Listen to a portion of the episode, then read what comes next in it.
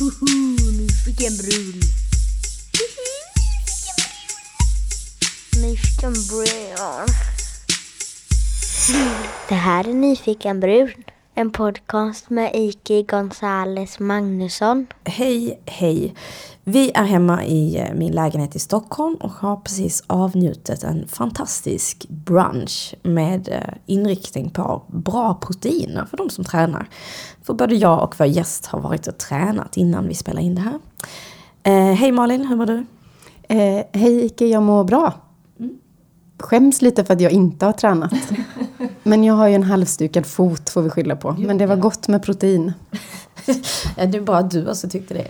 Eh, yes, eh, och vi brukar alltid göra så här att vår gäst får presentera sig själv. Så hej och välkommen, vem är du? Hej, jag heter Asinja Gray. Jag är eh, 44-årig eh, black queer mom. Född och uppvuxen på Södermalm. På Hornsgatan brukar jag säga. I Stockholm. Jag är, eh, arbetar som kommunikatör på Kulturhuset Stadsteatern i Skärholmen. Men är här på Nyfiken Brun på grund av att Iki och Malin bjöd in mig som klubblegend. Och det, jag vet inte mer än så, det är väldigt spännande. Jag, jag tänker att det är ett stort, en stor eh, titel att bära. Eh, jag står nämligen bakom eh, gamla klubbar som Puma och Slick och spelat skivor på massa stora ställen och mindre ställen och gjort det i ungefär 16 års tid. Fantastiskt. Ja, gud. Det är ju verkligen legend. 16 år, det är ju ett litet barn till exempel. En tonnis. Eh, ja, men det är ju klart att du är här för att du har gjort så himla mycket och jag kan bli så himla trött på när man så här pratar om eh, queerkultur, feminism eller annat, att vi aldrig pratar om historia utan vi vill oftast bara då om vi pratar om så här klubbar eller DJs, älta de som är heta och nya nu. Eh, och ibland så glömmer man bort vem det var som liksom, jag tänker att du till exempel har bäddat så jävla fint för att jag ska kunna spela och köra klubbar, att, så här, att inspireras. Men att det är så tråkigt när man glömmer bort att det faktiskt var någon som bäddade för att jag skulle kunna göra det. Eh, så att självklart, jag, vi är skitnyfikna på liksom, vad, berätta om Puma. När, när började du? Vilken var din första klubb?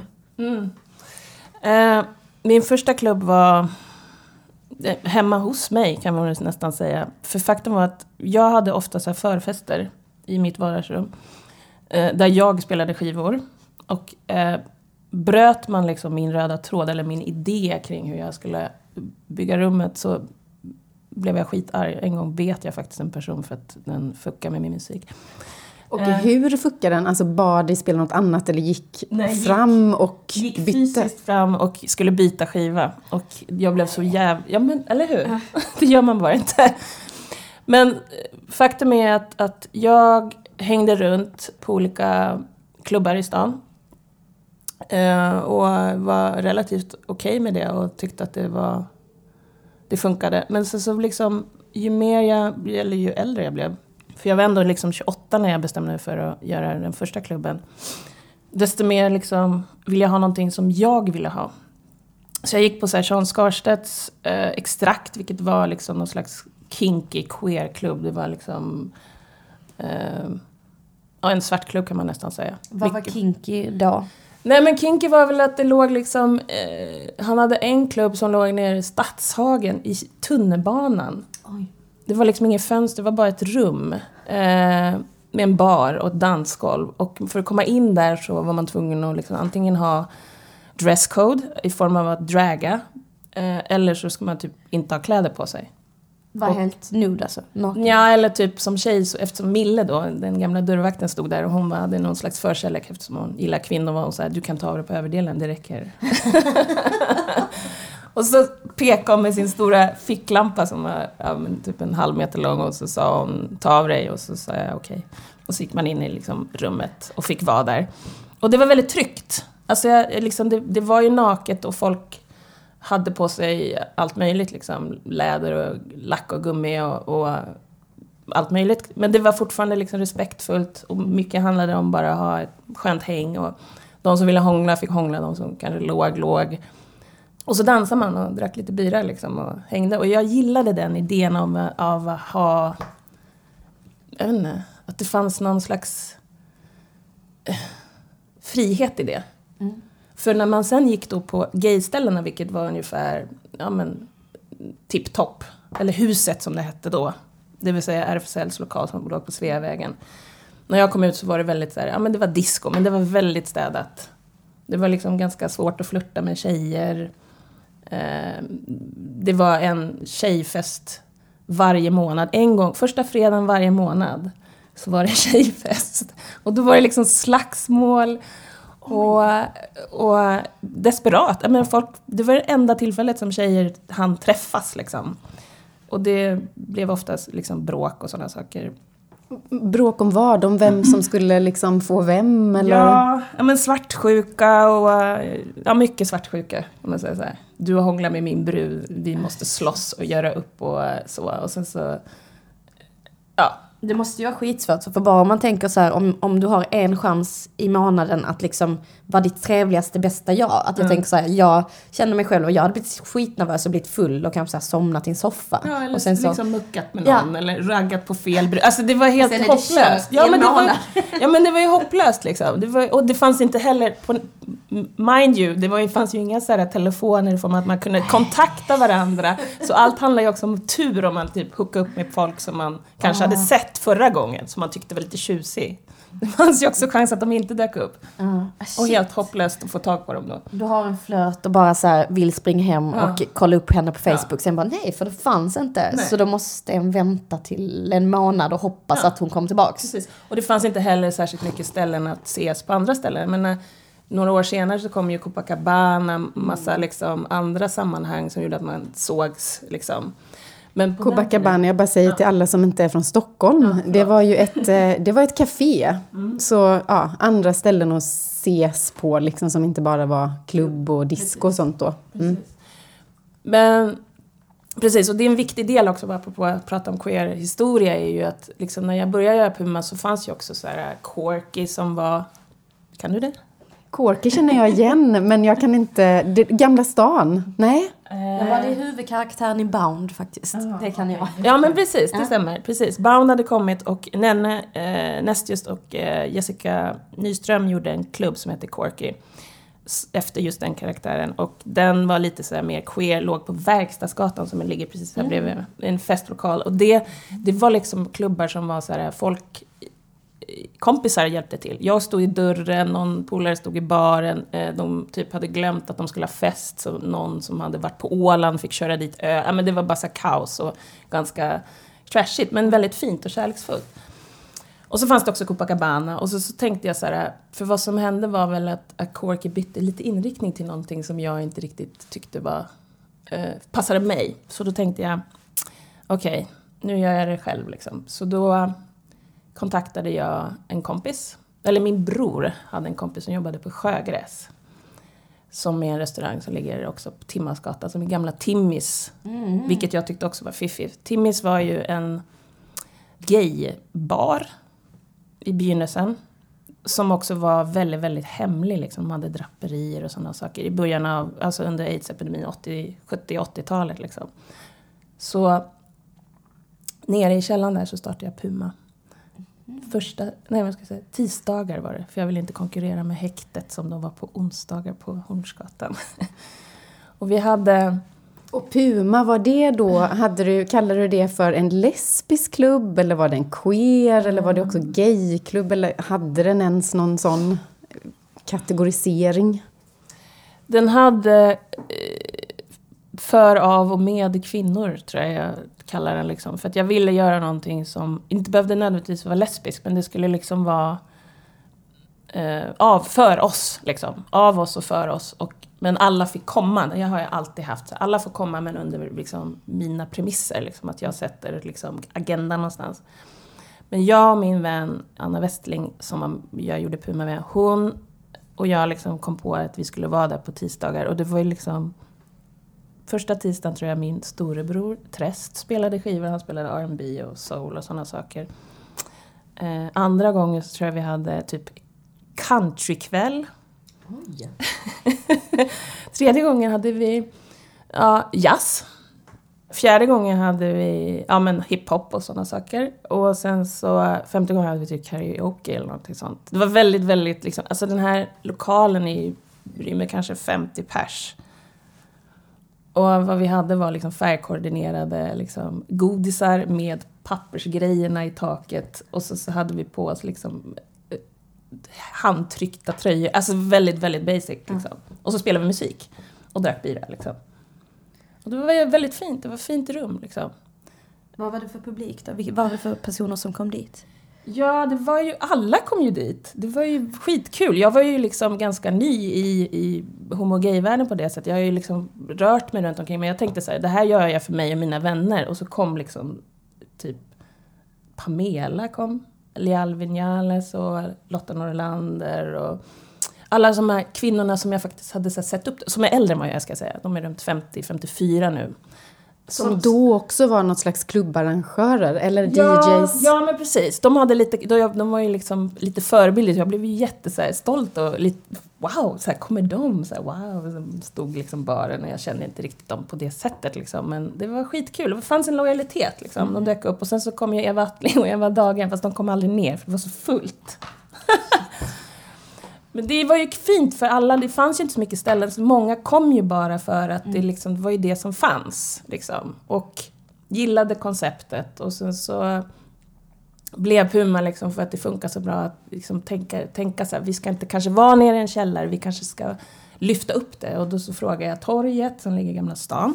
Mm. Det var det jag tänkte på. Precis. Och då lyfte vi liksom, för vi tänkte så här, nu ska Lesbionerna få också guldramar på speglar och kristallkronor och eh, möjlighet att, eh, liksom att världen ska få se. Jättedyra glas med kava. Ja, jättedyra glas. Alltså det var, men det var faktiskt lokalen vi ville åt. Det var liksom på något sätt någon slags det var politik kring att faktiskt eh, synliggöra flatorna på något sätt skulle jag vilja påstå. Det där har ju du varit inne på också, att du blev trött efter några år att just andra klubbar nere i så mörka källarlokaler och svart väst och liksom, mm. ja. Och nu vill vi också vara där alla andra får lov att vara, typ, eller? Ja, ja såklart. Och att det, har, det är ju mest bara svårt, liksom just när man att med mycket, jag vet inte hur det gick för er på torget, men att många gånger när du liksom på något sätt tar tillbaka en lokal så följer du med liksom rövskallar som mm. är stammisar eller mm. som brukar gå dit. Liksom, att det är mm. svårt att ta över, mm. även om en vill röra sig där, liksom, mm. alltså tycker att det behövs. Mm. Så har vi snackat mycket om eh, Trädgården till exempel har ju försökt att köra fester där. Men det går ju inte för Nej. att det är så stor annan publik att det blir så här Ja men nu hade vi ännu en fest med liksom massa goa queer som har jättekul men också massa hetero som står och kollar eller som beter sig helt out of line och man mm. bara, det funkar inte, det är inte ett tryggt rum och att det är så konstigt att det inte går. Men det är det jag tänker säga skillnaden för att torget var inte ganska, det var inte stort då, det var fortfarande väldigt nyöppnat. Jag tror de flesta som hade hittat dit när det gäller tjejer eller liksom så här, var bögarna bara liksom. Mm. Så när vi kom in, vilket också var en gång i veckan bara, så liksom tog vi över stället. Och det funkade väldigt bra. Framförallt därför att vi gjorde kassarekord. Mm. liksom så här, vi, we pleased the owners liksom. Och eh, då funkar det ju, liksom. då får man ju ändå hålla på på det sättet. Även liksom, bögarna blev arga för de tyckte att vi störde mm. förstås. Men det var ju åtminstone bara en gång i veckan. Liksom. Så då, då funkar det. Och vi fick också mandat att göra precis som hon gjorde. Och då hade jag bytt kollega eller medarbetare med Puma. Vi gjorde det med Kajsa Åman, ska jag säga också. Så att jag... Och de erbjöd oss att göra på Djurgårdstrassen. Vilket är ju så asflådigt ställe ute på Djurgården. Och vi gjorde en bossanova-kväll med så sangria och live, plinky-plonk på gitarr och eh, sång. Och väldigt lyxigt liksom så. Och det här, nu pratar vi, vad är detta kring 2000, nej, eller nu är vi ännu längre fram i tiden eller? Nej, det här är 98, 99. Okay. Mm. Så det är ett tag sedan. Men sen så, eh, och sen så gjorde vi också ett samarbete med en teatergrupp på Kägelbanan där det var en vän som skulle sätta upp, Kajsa Isaksson skulle sätta upp en, en föreställning som hette Rasar. Och hon ville liksom mellan de två akterna ha någon slags klubbmiljö. Och då fick vi frågan som Puma mm. att göra den här festen. Då. Och då gjorde vi det och det var väldigt populärt. Och då så blev vi kontaktade av producent på Södra Teatern som hade varit där och tyckte att det var väldigt framgångsrikt. Och då fick jag erbjudandet att göra vad som helst för vem som helst på sommaren. Det är så fantastiskt erbjudande. Ja, Vad alltså, som helst för vem som helst, Ja, hur som alltså- helst. Jag tänker så här, det här kan ju inte hända idag därför att det är så dyrt att liksom Mm. fixa fester och sådana saker. Men det var verkligen så här eh, en offer you couldn't refuse på ett sätt om man vill liksom. Vi fick alltså möjlighet till en lokal, göra som vi ville, hur många gånger vi ville också. Så det var som att vi kunde göra en gång i månaden men då ehm, så tänkte jag så här, ja det här var ju ett fantastiskt erbjudande, undrar om jag ska ta det. Och så, så var det så att Puma gick i graven för att jag eh, och Kajsa kom inte överens och vi, liksom, vi var så här, men det kommer inte gå, vi, hur ska vi gå vidare? Och då så satt jag på torget och eh, väntade på Daniel Bergqvist att han skulle ge mig pengar för jag hade spelat skivor på någon fest som han hade haft. Typ eh, Shame eller någonting sånt. Och det här är någon annan arrangör då, på den tiden? På den tiden var det en annan arrangör, eh, Daniel. Eh, och så, så när han kommer in, en vit eh, indiepop-bög, ska jag säga, för alla som inte vet vem Daniel är. Som har gjort många fester, mycket punk, liksom queerpunk och shamefestivalen och har helt annan politik än jag, men ändå så här queer på sitt sätt. Eh, och när jag ser honom så tänker jag så här, undrar om- så här, om jag ska göra någonting annat med någon annan så kanske jag ska göra med honom. För han är ju typ det motsatta från vad jag är. Och så frågar jag honom så här, du ska vi göra Kägelbanan? Eh, vi har fått ett, eller jag har fått ett erbjudande om att göra fest. Hur många gånger när jag vill och bla bla bla. Och han bara, ja jag vet inte, jag kan tänka på det. Och så, så sa han ja. Och då så började vi göra slick. En gång i veckan, varje lördag. Mellan 8 och 1. 20 till 01. Det kostade 50 spänn att komma in. Shit, och när var detta? När var detta i avtal? Det här var 2001. Så gjorde vi en sommar och det var tre personer, tre arrangörer som hade fått erbjudande om att göra det här av Södra Teatern. Och det var de två andra klubbarna Eh, hade fest torsdag, fredag och vi hade lördagen och de hade inte funkat överhuvudtaget. Alltså det hade typ kommit, för Kägelbanan och Södra Teatern hade inte gjort klubbar innan. Förutom Reorient som fick- jättebra, men de hade liksom inte gjort något nytt. Och på de två andra kvällarna så kom det typ så här tio pers. Så att jag och Daniel var skitnervösa liksom. Vi bara så här, vem kommer liksom? Så här, det är en lokal som tar 300 pers liksom. Det är han och jag. Jag skulle spela skivor och liksom, ja, det, mm, det var nervöst. Och så öppnar vi och så, så är, kommer det inget folk, kommer det inget folk och klockan halv elva så kommer alla. Alla kommer liksom. 300 pers, bam! Två timmars fest. till ett. And that's it liksom. Och så var det på var, varenda lördag. Det var väldigt, väldigt fint liksom. De kom väldigt sent så till slut så flyttade vi ju slut, liksom starttiden till åtminstone tio för det var helt värdelöst att vi var där Bara tre timmar. där. Ja, vi satt ju bara där. Och ni körde väl ändå ganska länge va? Vi körde 2001 till nu, sista festen var nu i februari faktiskt. Så sa jag att nu är det dags att sluta den lilla, lilla slickpåsen och gå vidare. Eh, vi, jag är 44, Daniel fyller 40. Slick var så himla mycket just så här, ja men queer, en queer-klubb. Och det här var ju också då i början av 2000-talet när begreppet queer ja, men kom till Sverige. Det låter konstigt att säga men ja, det var ju ändå så. Ser du någon skillnad? Hände det någonting då? Alltså, blev det viktigt att, att alltså var det någon skillnad på queerklubbar och de klubbar du hade arrat och gått på när du var yngre och tidigare? Som var så här gayklubbar eller tjejklubbar? Ja, alltså jag tror skillnaden var väl att såhär, alltså apropå att jag gick på Sean Skarsets kalas och så, så gick jag på, ja men Bitch, Birgitta Jakobssons liksom storklubb. Eh, som var tjejfest liksom. Eh, Hur ofta var den? Den var nästan också varje lördag liksom, tror jag det var. Men det var också så här, det blir kommersiellt. Jag tror det var det som var mitt problem många gånger. Att det var liksom så här, man måste... Det var många som var beroende av att tjäna mycket pengar och det fattar jag liksom. Att, att jag har ju aldrig gjort klubb för att liksom försörja mig. Och det är en stor faktor. Alla har inte den förmånen. Men, men saken är att jag tyckte så här, för mig var det viktigast att gå på en kalas som jag gillade att gå på. Det, liksom, och då fick det funka eller inte funka liksom. Och alla ska ha möjlighet att gå. Därav, liksom, vi skulle ju säkert kunna tagit mycket mer pröjs senare liksom, i entré. Men det var ju alltid så här fem, från 50 spänn under de liksom, åren som vi gjorde så, så vår dyraste fest var så här, kostade 120 spänn och då, fick, då var det Big Frida här liksom och Ja. uppträdde. Liksom. Så vi har alltid liksom försökt spara. Och det gör ju att de som jag, eller vi ville, skulle komma, kunde komma liksom. Och det är en viktig klassgrej liksom och tillgänglighetsgrej liksom. Det här är Nyfiken brun. Är det många skillnader nu om man då tittar på liksom när du börjar med, om vi säger Slick, så här, en queerklubb. Finns det liksom pros and cons? Vad har blivit bättre, vad har blivit sämre? Under åren, nu sitter vi ändå här 2016. Eh, Slick finns inte mer, det finns andra klubbar liksom. Vad tänker du? Nej men jag tänker att, att så här, eh, apropå hur, eller behovet var förut, liksom, att det var mycket större behov av separatistiska rum. För att, ja men apropå att känna sig trygg och liksom kunna leka ordentligt och så. Jag tänker att det kanske inte, den yngre generationen har de behoven liksom längre på det sättet. Det finns liksom, jag menar apropå att internet inte fanns, det fanns liksom inga trygga rum på det sättet att kunna diskutera saker på nätet liksom, utan man var tvungen att ses och träffas och snacka liksom. Och jag tänker att det är skillnaden som gör liksom klubbarna annorlunda idag från då. Liksom att politiken var mycket större, liksom queerness var mycket större då.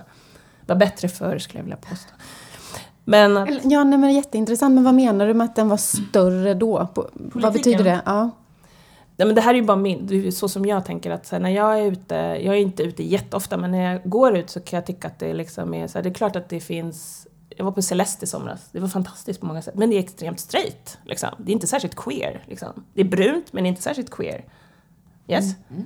Och, och jag tycker att det är skillnad. Liksom. Man kan absolut ha liksom, rum där man känner sig trygg som en, en liksom, rasifierad person, absolut. Och det gör Celeste. Men som queer eller en lesbisk kvinna så tyckte jag så här, jag tänker att det inte är jättelätt för en, en, en flata att röra sig i, i det rummet därför att det var mycket snubbar liksom.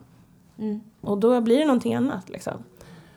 Och jag tänker att så här, skulle de... Här är ett tips till Celeste. Nej men på riktigt. Att, att, jag tänker så här, Slick funkade jävligt bra därför att så här, dels var jag avsändare och jag är en av de få svarta liksom, äldre kvinnorna i, i Stockholm liksom, som är flata. Och jag tänker så här, med det så kommer ett ansvar men också inflytande eller clout.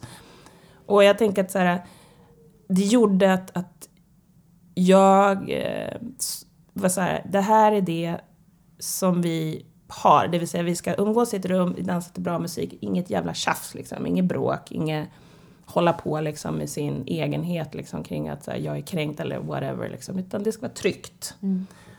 Och jag tänker så här, om Celeste tänkte lite mer normkritiskt, då pratar jag inte liksom så, men jag tänker så här att, att, att försöka ta in lite queerness i det, det skulle vara bra för dem faktiskt. Det upplever jag liksom, att det är lite för straight, för snubbigt helt enkelt. Jag vet inte riktigt hur det ska gå till men, men det kan man ju göra på olika sätt. Ja, och det tänker jag väl att, som det du pratar om, att det handlar väl också mycket om just om man då tänker på internet och sånt, för att just nu, det är bara sen jag kom ut och vad jag har gjort liksom tidigt 2000-tal, att det blev en helt annan gemensam gemenskap på grund av att vi inte liksom hade splittrats. Så att nu känns det också som att det är olika, inom queer-taket så finns det också olika kategorier liksom, där vi på något sätt oftast också tyvärr motarbetar varandra istället för att hjälpa, hjälpa varandra. Ehm, att, eh, nej, men att det har ju varit en massa konflikter hit och dit och att då blir det som att det sitter små klumpar och istället då om man tänker att alla de små klumparna till exempel skulle gå på en klubb som Celeste för att vi ändå är vänner. Men att det blir liksom som att då blir det ju också lättare för heteropubliken att liksom inte interagera med oss för att vi förstör för oss själva typ. Eh, För att det kan jag uppleva att queer-sammanhangen har blivit mycket smalare och indelade. Eh, Och det upplevde jag inte innan. att Det var ju ändå som att queer-flatorna kunde dansa eh, till Miss Elliot tillsammans med eh, de radikala anarkaflatorna. Liksom. Eh, och sen så när man sågs eh, under politik eller i en panel så var man skitarg, men där körde man liksom. Det finns ju inte riktigt längre, de mötena där alla liksom, tycker jag.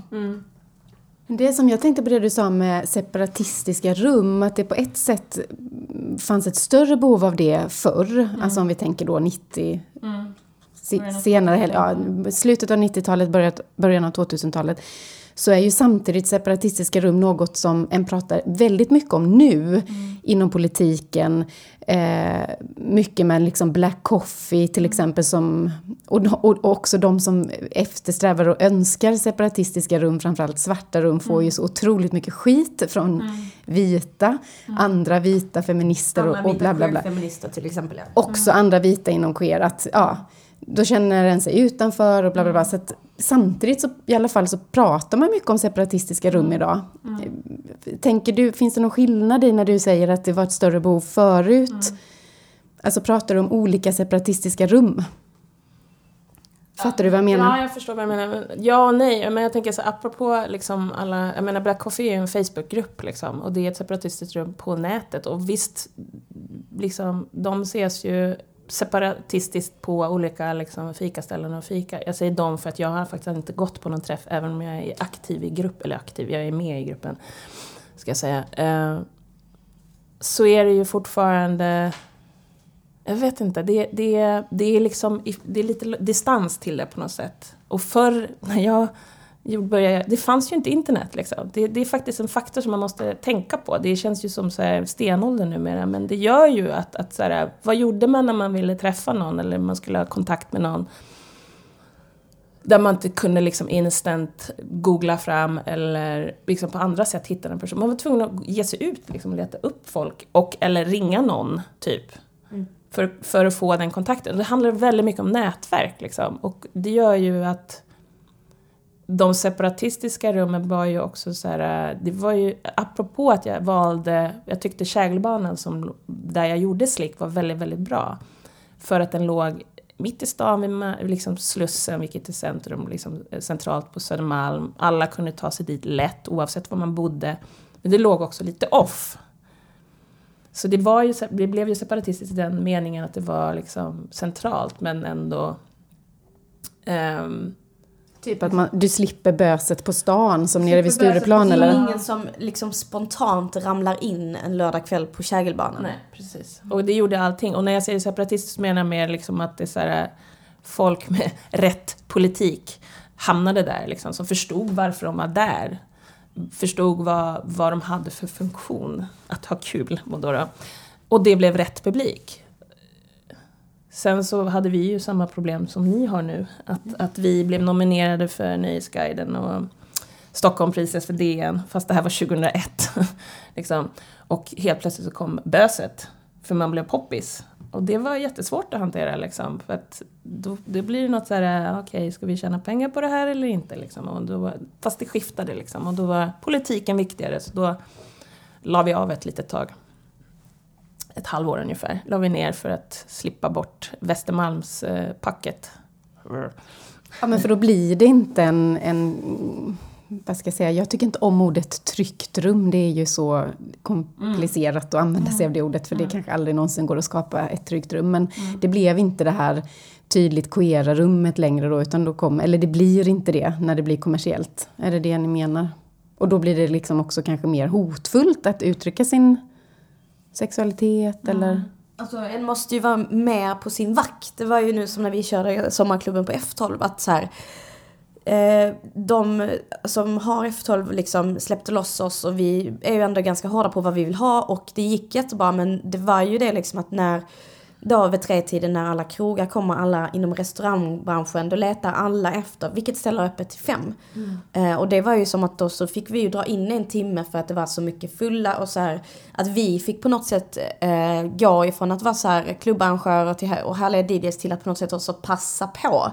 Alltså just så här, okej okay, vakten, de här ska ut, de här ska ut, som någon jävla polis. Och då blir det ju också svårt. Mm. Eh, och att det är väl det man måste bolla med hela tiden och jag tycker det är jättesvårt för som F12 som är en av Stockholms största sommarklubbar att vi det är ju så fett viktigt att vi är där. Men att då måste man hela tiden bolla, orkar jag det här? Mm. Orkar jag varje onsdag behöva stå upp för min egna sexualitet och för andras trygga rum? Och där kände vi väl att vi liksom varje gång försökte hitta olika sätt att skapa det trygga rummet typ. Mm. Vi, vi fick alltid massa flaskor bubbel och att vi bara så här, nu bjuder vi på alla som vi vill ska vara här så att de känner sig säkra.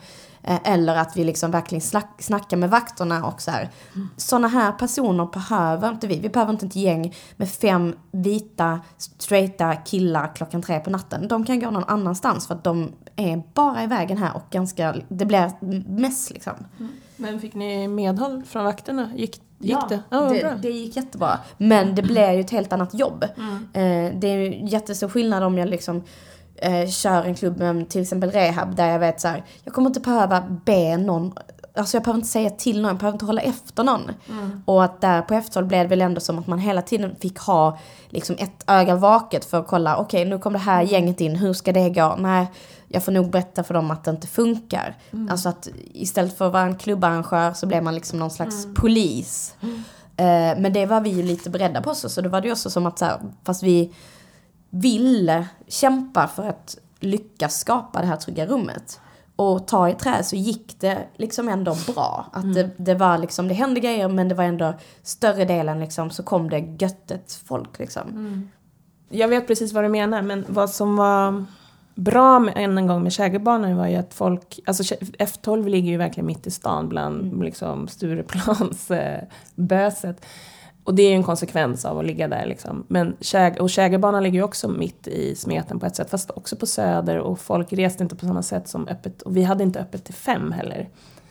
Så vi hade inte den mängden med, med bösiga vita snubbar som trillade in på det sättet. Och vi hade bra vakter som var väldigt så här, noga med... Jag tror inte de liksom riktigt sa nej till någon, men däremot så sa de du vet vad det här är för klubb. Liksom. Vi hade alltid lite försnack med, med dem om vad som hände varje kväll och så skulle de instruera de här som de kanske... Så, men jag vet ju... Vi märkte ju att, att så här, även, vi fick ju inte bös, bös på det sättet men däremot så fick vi liksom så här välvilliga vita, mycket kvinnor som kom. som som ville liksom- straighta brudar liksom. Och det var jättekonstigt liksom. De stod där och dansade och slängde sitt hår. Och jag var så här, nej men alltså nej, det, nej, det där kan man inte dansa till Missy, sluta liksom. det blev ett annat golv, det blev ett annat, liksom, en annan stämning på något sätt. Så, alltså det, det funkade, det var ju skitgulligt på ett sätt. Men jag blev också så här, "Uh, det är inte så queer. Det var mest bara liksom störande. Går det, men vad gör du då? Jag tycker det är så intressant. Kan du liksom gå fram och säga någonting då? Nej, Eller får du bita nej, dig i tungan nej, liksom? Nej, jag, i, gud, ah, ja, jag kan berätta. Ibland brukar jag sp- spela ganska jobbiga, svåra låtar. alltså typ så här, ja, det här är, this is for the brown girls. Eh, alltså det är ju väldigt intressant att spela låtar där vita, alltså vet, vita kvinnor, det, det är liksom, the hips don't lie om jag säger så. Det går liksom inte så bra för dem. Så det var mitt sätt att jävlas lite och spela någon hopplöst skit bra hiphop-låt till exempel, där alla andra som kunde det gick lös. Iki till exempel, så skulle ju gilla det liksom. Men, eh, ja, jag vet inte, idag, samtidigt så skulle jag nog spela Work med Rihanna. Det är en så jättebra hit, skitbra liksom, men ganska svår att dansa till om man inte kan röra på höfterna. Men funkar det? Måste jag ju fråga. Blev det ett annat dansgolv då? Ja. Alltså de försökte ju, men det blev, jag gjorde det för jävlas liksom. Så det, nej, jag vet inte, jag ville ju ha liksom det golvet som jag ville ha. Liksom. Så vi la faktiskt, vi slutade ett tag. Och så försvann det och så började vi om. Och så kom liksom rätt publik. Och eh, det blev större och större. Så det var skitfint liksom att nya queers kom. Och det blev ju också så här, att hålla på så länge som jag har gjort. Så blir det ju också så här, jag gjorde ju, ja men det var väl när du spelade när jag hade Babyslick första gången, när jag spelade för kidsen på dagen. Och så, gud, vi hade en klubbkväll med Babyslick, eftersom jag har hållit på så länge, men det ska säga att alla har ju skaffat barn. Och då var jag såhär, men vi gör ett barnkalas för alla gamla liksom queer som numera barn. Ja, så då mellan två och fyra så hade vi två timmars slick. Fast för föräldrar och det kom 300 barn, jag skojar inte. Och deras föräldrar, det var helt sjukt. Hela liksom västra delen av Kägelbanan var full med barnvagnar. och det luktade, alltså Kräks och bajs. Ja, nej faktiskt inte kräkt, men så här, prutt, eh, socker, eh, popcorn och, och, och det var värre än att spela på vuxenslick för att de här ungarna liksom var inne i DJ-båset. Jag spelade skivor, blandade liksom Pippi, Kåldolmar Kassippe med så här Rihanna och, annat, liksom Missy. Jag tror jag spelade allt möjligt liksom.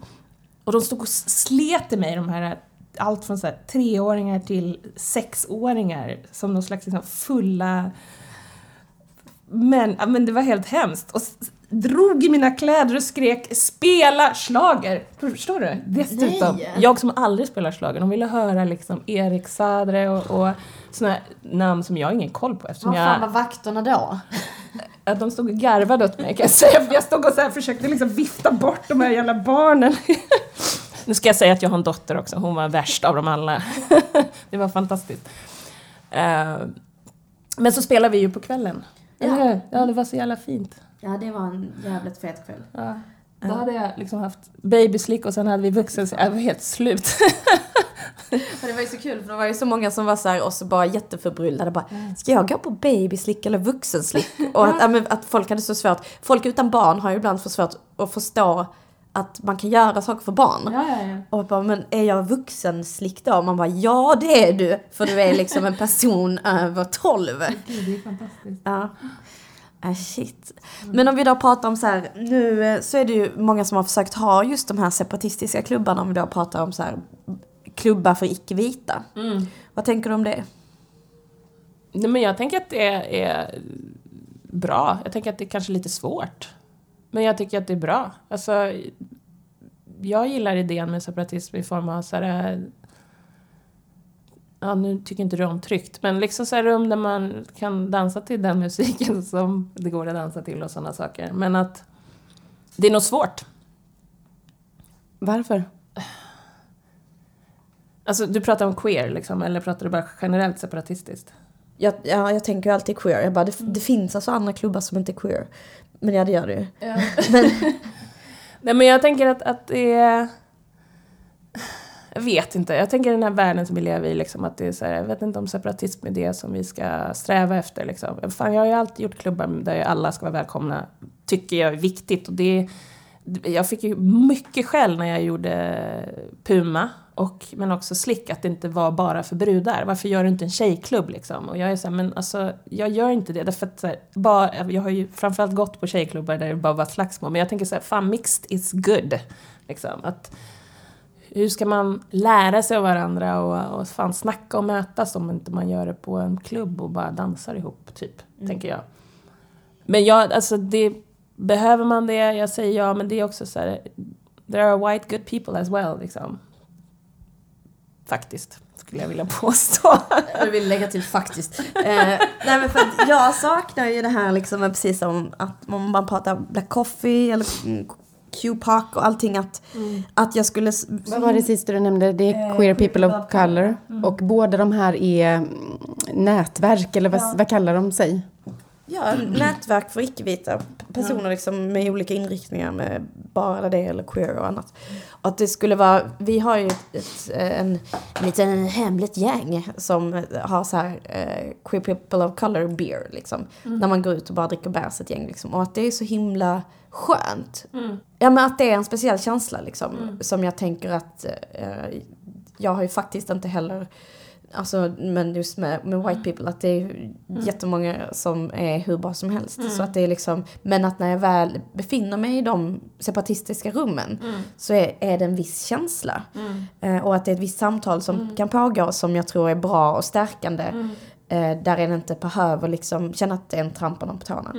Så jag, Men jag, jag säger inte nej till det. Jag säger Nej. inte nej till att ta en bira med sin polare, men jag tänker att just en klubb, jag tänker att folk kanske missförstår. Förstår du? Att det blir liksom så här. eh, Varför får inte vi vara med? Så som det faktiskt är på riktigt också. Ja. Även om det handlar om föreläsningar och sådana så, så det bara kan handla om liksom, vi vill bara kunna snacka among friends. Men Precis som att du säger att när du kör eh, klubbar för tjejer eller personer som identifierar sig som tjejer men du skulle aldrig förbjuda en man eller pe- personer som ja, identifierar sig som icke-kvinnor. Alltså att komma dit. Och att jag tror att så kanske det också är en idé att jobba med separatismen.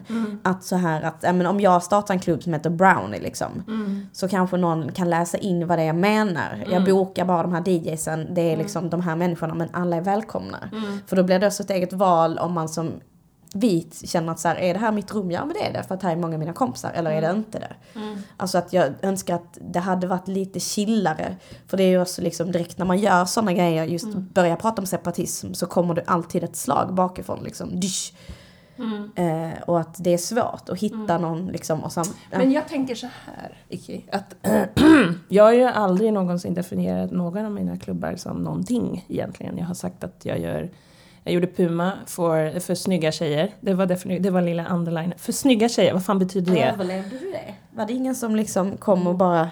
Jo men det är klart jag fick jättemycket stryk för det. För det också, jag blev, eh, en gång så var det faktiskt en kvinna som bara skällde ut mig för att det stod så. Varför står det för snygga tjejer? De fula flickorna då? Jag bara, ja jag vet inte, jag älskar kvinnor. Jag tycker alla kvinnor är vackra. Jag tycker alla kvinnor är snygga. Sa jag. Och sen sa hon, sa hon inget mer. jag kan inte hjälpa att, att så här, någon kanske tycker att det betyder någonting. Liksom, det får man ju säga vad man vill om. Men separatism behöver ju faktiskt inte vara uttalat. Apropå liksom, så här, att jag gjorde ju Puma utifrån ett jag inte, jag vill inte säga flickperspektiv, men det var ju för tjejer av tjejer med tjejer liksom. Och då blir det ju en annan stämning liksom. Och det var ju ingenting som jag pratade om. Och när det slick så, så var det många som kallade oss för queerklubb, men det var ju aldrig någonting så som vi gick ut med, utan det var bara liksom, det blev så för att det, det, var ju alltid så här, vi gjorde ett rum och så kom det folk och fyllde det med sin närvaro. Så att det var ju liksom publiken som gjorde det allt. Liksom. Jag är verkligen djupt, djupt tacksam och glad för att det kom så bra människor liksom och hängde. Men, och det var ju separatistiskt i sig för att det var ju, apropå, det var här mun till mun. Liksom. Folk snackade om det, så kom de och så hängde de och så kom de liksom hela det. Och det blev separatistiskt i form av att det liksom var inte för alla liksom. Och om man på något sätt gör det på det sättet så kanske det funkar. Går det, tycker du, att bedriva någon slags här politisk kamp på klubben? Ja, gud ja. Oh ja, verkligen. Ja, men apropå att vara lite elak och spela konstiga, eller konstiga, svårare låtar för de eh, vita flickorna pojkarna och dansat till. Det är politik, tycker jag. Men också så här, vilka jobbar och vad är det man gör? Vad spelar man? Mycket viktigt med musik, tycker jag. Liksom att man... Musik är ju fantastiskt, det är det som fyller någonstans rummet. Och det går absolut att spela låtar som betyder någonting helt, kanske någonting annat för en, exempelvis en brun publik än för en vit. Den vita kanske inte ens hör det liksom. Att man peppar liksom och det blir under meningen i, i låten är så här, this is for you guys. Det är ju fantastiskt liksom. Och som en brun person och som så här en, en lesbisk person, som en queer person så tänker jag att det går inte att göra något som inte är politiskt. Det blir politiskt. Att det funkar liksom inte. Så, så brukar jag tänka liksom.